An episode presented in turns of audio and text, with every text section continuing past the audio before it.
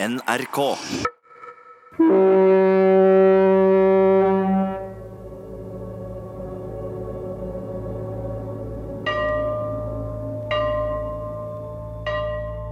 Det gjør inntrykk når min mor ble innkalt å skal identifisere min far. Så det var jo ganske sterkt.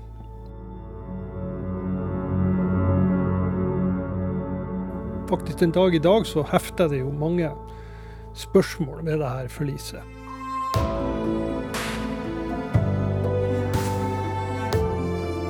oktober 1940 forliser Hurtigruta Prinsesse Ragnhild nord for Bodø. En av de frykteligste skipskatastrofene under krigen i Norge.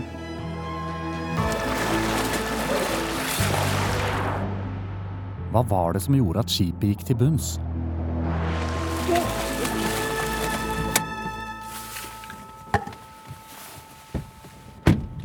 Bodø, august 2017. 77 år etter forliset. Er selve minnesmerket. Det står prinsesse Ragnhild på klokka. Ja, der, ja. Så den har de berga opp, da. Fra 200 meters dyp. Ja. ja da. Til minne om de mange som omkom da hurtigruteskipet prinsesse Ragnhild ble senket den 23. oktober 1940. Ja. Og en av dem var jo din far. Ja, en av dem er min far. Sånn er skjebnen. Ja, mitt navn er Erik Kvål. Jeg er nå 86, men uh, da prinsesse Ragnhild uh, forliste, så var jeg ni år gammel. Hva var det som skjedde med Hurtigruta prinsesse Ragnhild? Så dere er mest i andre etasje? Ja, det er andre. Han bor i et gult, gammelt hus med hvite vinduer. Oi, se her, ja. Ja, Der var den lysekronen. Den er ikke montert. så. Ved siden av pianoet står en sofa i mørkegrønn velur foran et rundt bord med hvit kniplingsduk. Ja, Der ser du hele, alle ungene våre. Ja, du, jeg så nettopp på alle disse bildene. Ja, Vi har fire, fire barn. Dette er Kari Kvål. Vi har vært gift i 60 år. Ja, det, tiden går. Dere har ganske mange ting her, ser jeg. Nei, jaså? Kari har hvitt hår og livlige blå øyne. Ja, der har vi, der har vi, Her har vi vår stil. Han sier 'vi må kaste, vi må kaste, vi må kaste'. Og hun sier vi skal ikke kaste noen ting. Det skal vise seg at Kari så noe den 23. oktober som kaster lys over hva som skjedde med faren til Erik, Alf Kvål. Unnskyld, vil dere ha kaffe med det samme? Nei, jeg skal bare se om jeg fant bilde av min far, men det Jeg har noen uh, bilder fra min fars ungdom. Fra vennekretsen i, i Tromsø. Det er han. Der, ja. Åh, der er, vet du. De, det var jo hatt, tid med hatt. Også, Ja, men dette er og med, med dressjakke Ja. og, og svart sløyfe og hvit skjorte. Ja, det var sikkert en eller annen anledning de skulle på et eller annet. Hva er det? Ja, det er Hurtigruta som kommer.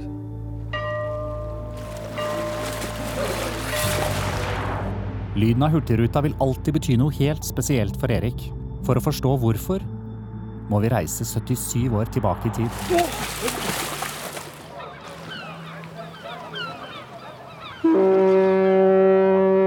Vi befinner oss også i, i Bodø, Nordland, den eh, 23. oktober i 1940.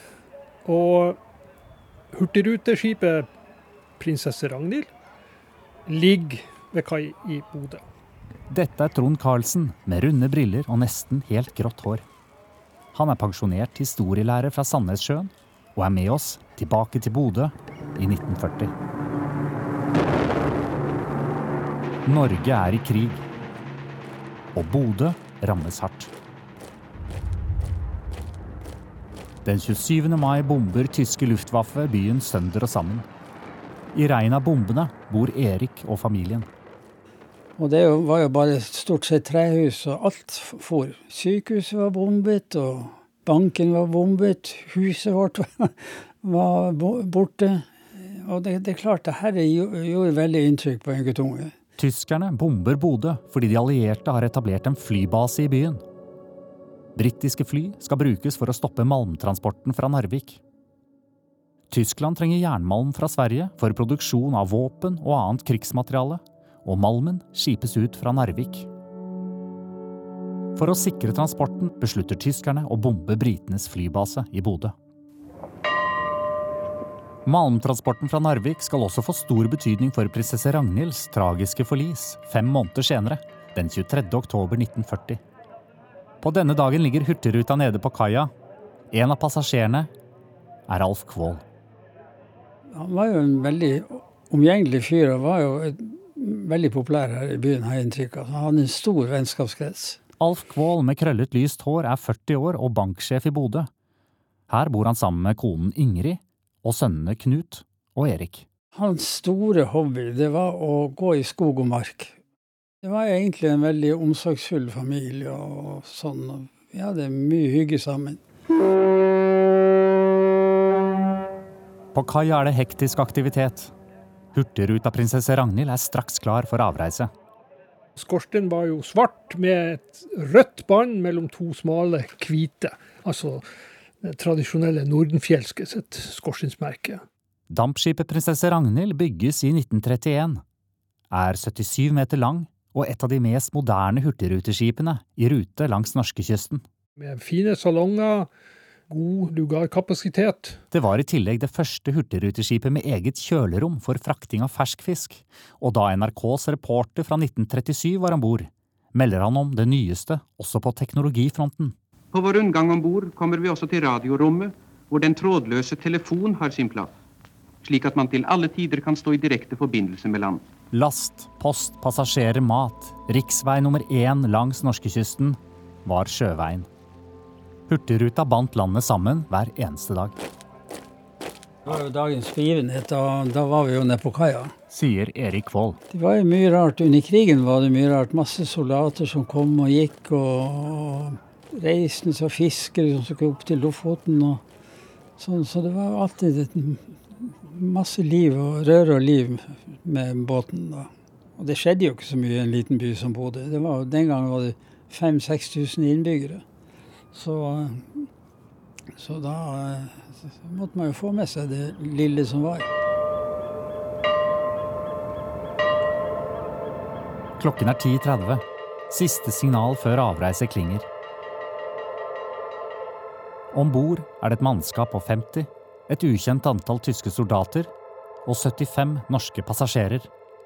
En av dem er Alf Kvål. Kledd som direktør. Hatt og lang frakk og dress og blanke sko. Det var en uh, sur og ekkel dag med, med lat skydekke, sludd og sne og vind.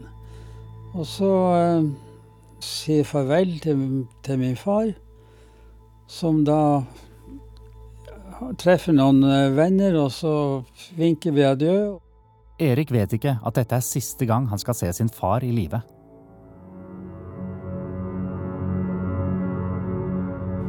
Husker du hvorfor han var på prinsesse Ragnhild akkurat? Ja, skulle, det, det, var et rettsmøte i Solveig, så det var masse folk fra Bodø som reiste for å delta i det møtet der.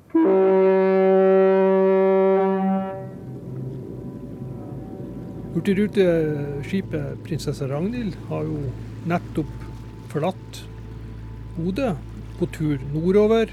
Sier historielærer Trond Karlsen. Skipet setter kursen ut til Nyholmsundet og så nordover Landegodefjorden. Prinsesse Ragnhild velger en overraskende rute. Og så gikk den da en annen leie enn den normalt gikk, fordi at engelskmennene hadde jo lagt ut et minefelt fra fra spissen av Landegod og utover i Vestfjorden for å tvinge malmtransporten fra Narvik ut i åpent hav, så de kunne ta de der. Sier Erik Vold. Det var helt langs land den kjørte, og det er en rute som eh, jeg aldri hadde visst at Hurtigruten tidligere hadde tatt. Men det var for å komme seg så langt unna dette minefeltet som mulig.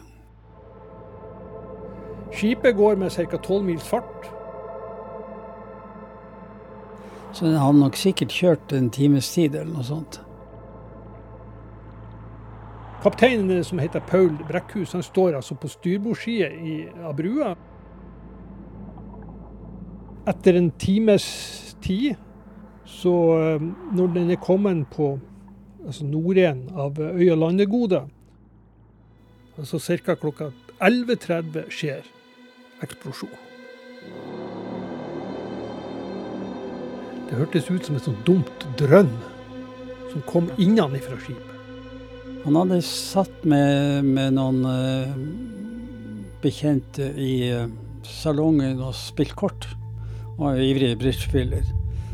Da det smalt, og da hadde han blitt slengt, eller de hadde blitt slengt uh, sånn bortimot opp i, opp i taket. Ikke forberedt noen ting. Plutselig så, så skjer denne eksplosjonen. Kaptein Paul Brekkhus ble jo slått og på en måte fikk seg jo en luftetur og havna jo på knærne igjen. Det ble jo selvfølgelig kaos om bord i, i, i, i, i prinsesse Ragnhild, for at uh, den begynte jo å søkke med en gang. Vannet fosser inn i skipet, og det oppstår panikk på dekk. De hopper på, ut på havet, de finner livbelter som de klamrer seg til. Tyskerne var, det var jo panikk blant de. Rett og slett pga. at det var jo så få som hadde, var vant med å være i båt. Og, og få ut av de hadde jo vært til sjøs før. Kun én livbåt kommer på vannet.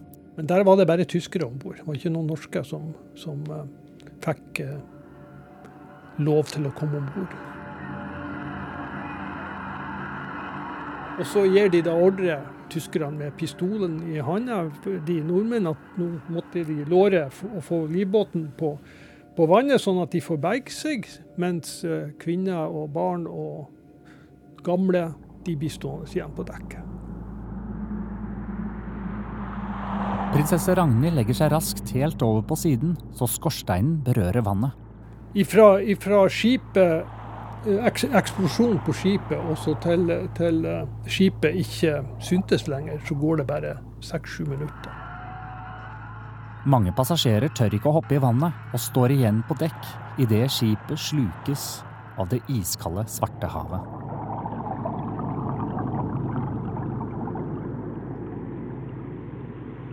Kapteinen nærme, eh, forteller jo om at han ble jo dratt ned i vannet og, og kom jo opp etter, etter en stund. Så det er klart at en såpass stor båt måtte jo ha, det måtte jo ha vært et ganske stort dragsug som sikkert har, sikkert har tatt med seg en del folk. Samtidig som over 300 mennesker kjemper for livet i det kalde oktobervannet en time nordøst fra Bodø, er Erik hjemme, lykkelig uvitende om hva som skjer. Jeg var ni år da. Det var sikkert og lekte i gata eller noe sånt som vi, som vi gjorde da. Jeg kommer inn og avbrøt dere. Dette er Kari, konen til Erik. Jeg, jeg tenkte ikke jeg skulle sitte her. Har du, har du noe forhold til den datoen eller det, ja, det jeg har faktisk det. Fordi at vi bodde jo her. Og så fikk vi høre at prinsesse Ragnhild var gått ned. Da kom den ene lastebilen etter den andre med fullt av folk som hang over hverandre på lasteplanene.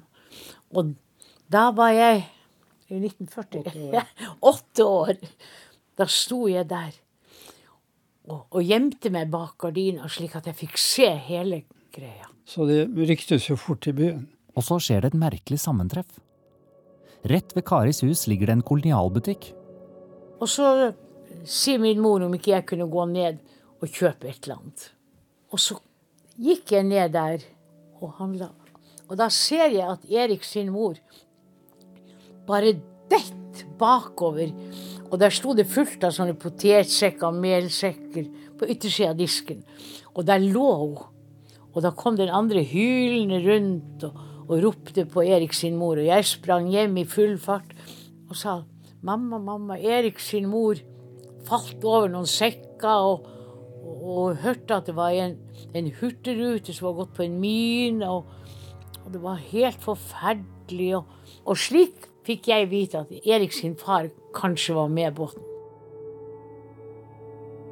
Erik, hvordan er det å høre Kari, hun var jo der faktisk, når moren din Ja, ja, det, det er jo et merkelig sammentreff, egentlig. Men eh, nei, ja, det, det har jeg hørt også, at hun falt over sånn. Ryktene går, og Lofotposten rekker akkurat å rydde forsiden før den går i trykken med følgende ilmelding. Nordenfjelske Dampskipsselskaps store, prektige hurtigruteskip Prinsesse Ragnhild i formiddag i tolvtiden er minesprengt ute på Langegodefjorden, kort etter avgang fra Bodø. Alt hva der kan skaffes av farkoster i Bodø er gått ut til assistanse. Det, det kommer to frakteskuter, ei som heter Battenfjord og ei, ei eh, Gangerolf fra Sortland. Dette er Trond Karlsen, historielærer fra Sandnessjøen. Og de, de båtene og de mannskapene om bord gjør jo en fantastisk jobb med å redde folk. Og de, til sammen så klarer de å redde over 150 personer fra den visse død, altså. Med at de tar de, tar de opp. Men hvor mange omkom, eh, Trond, på, eh, når prinsesse Ragnhild gikk ned denne dagen i 1940? Det som gjør det så usikkert, eh, akkurat det her med hvor mange som omkom, det er jo at eh, det er ingen som vet hvor mange tyske soldater som var om bord.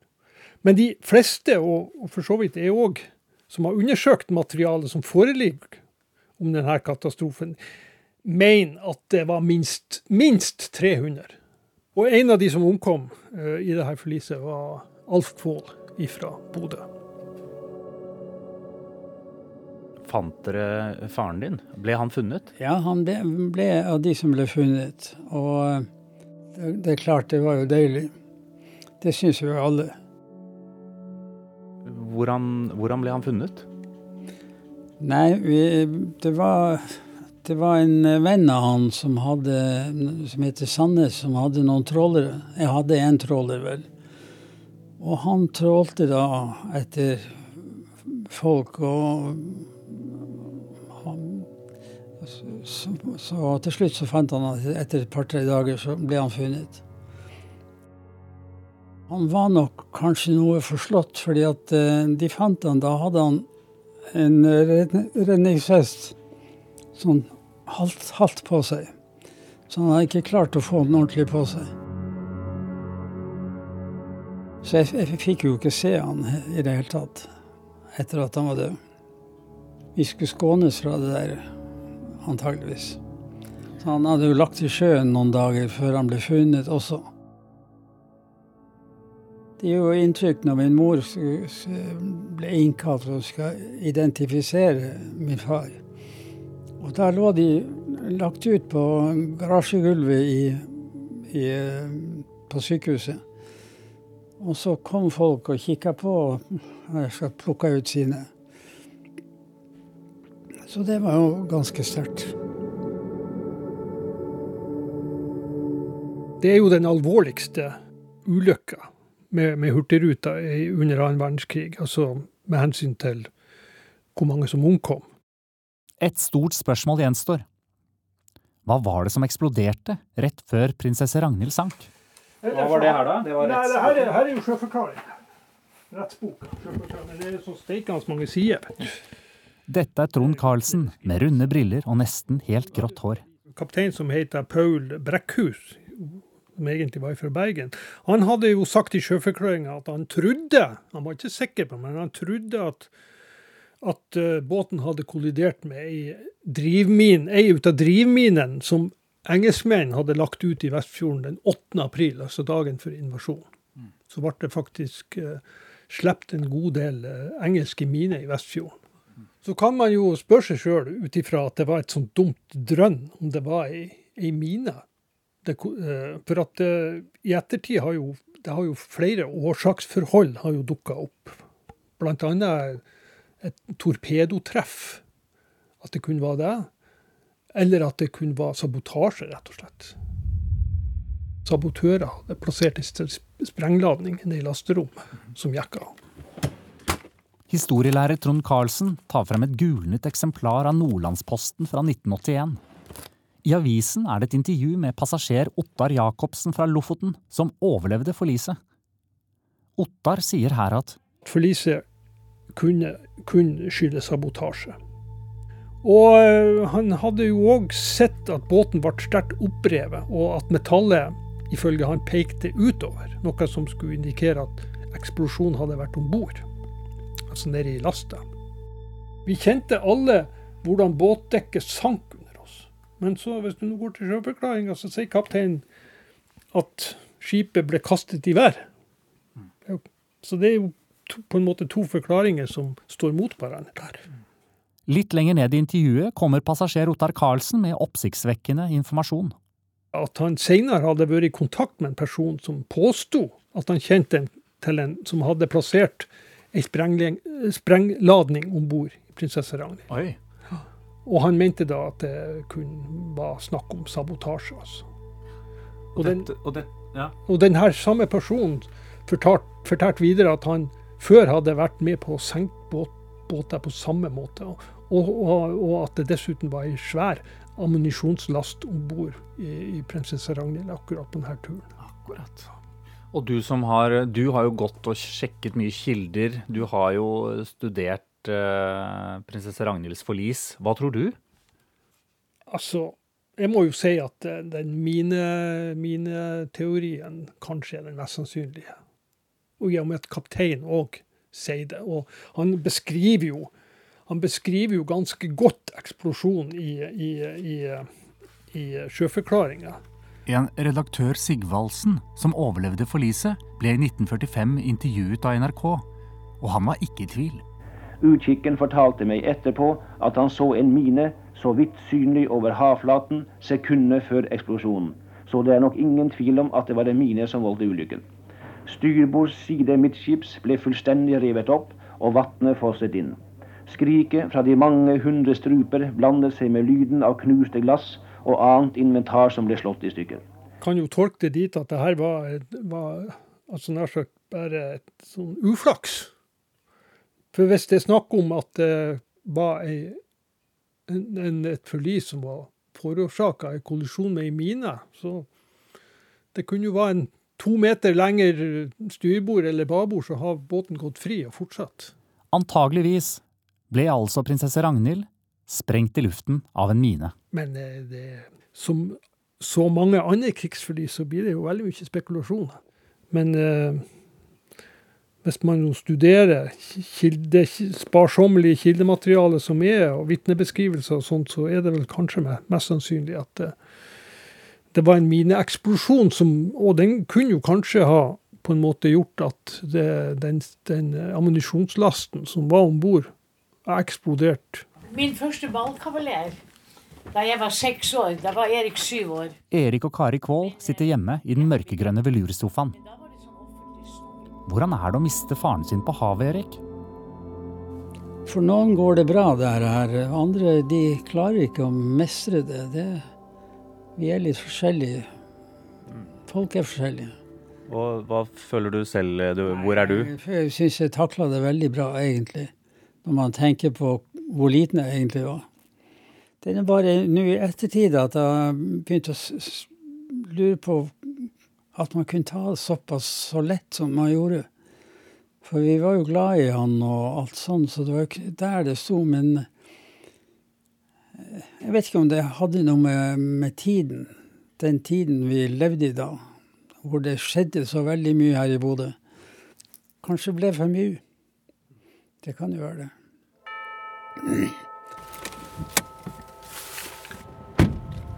Bodø, august 2017. 77 år etter forliset. Her er selve minnesmerket. Klokka Det står prinsesse Ragnhild på klokka. Ja, der, ja. Så den har de berga opp, da. Fra 200 meters dyp. Ja. ja da. Til minne om de mange som omkom da hurtigruteskivet prinsesse Ragnhild ble senket den 23. oktober 1940. Og en av dem var jo din far. Ja, en av dem er min far.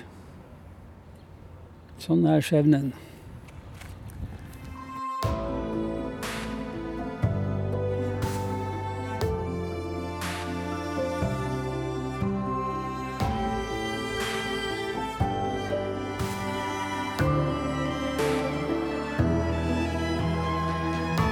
Nå kan dere fortelle hvor glad dere er i hverandre.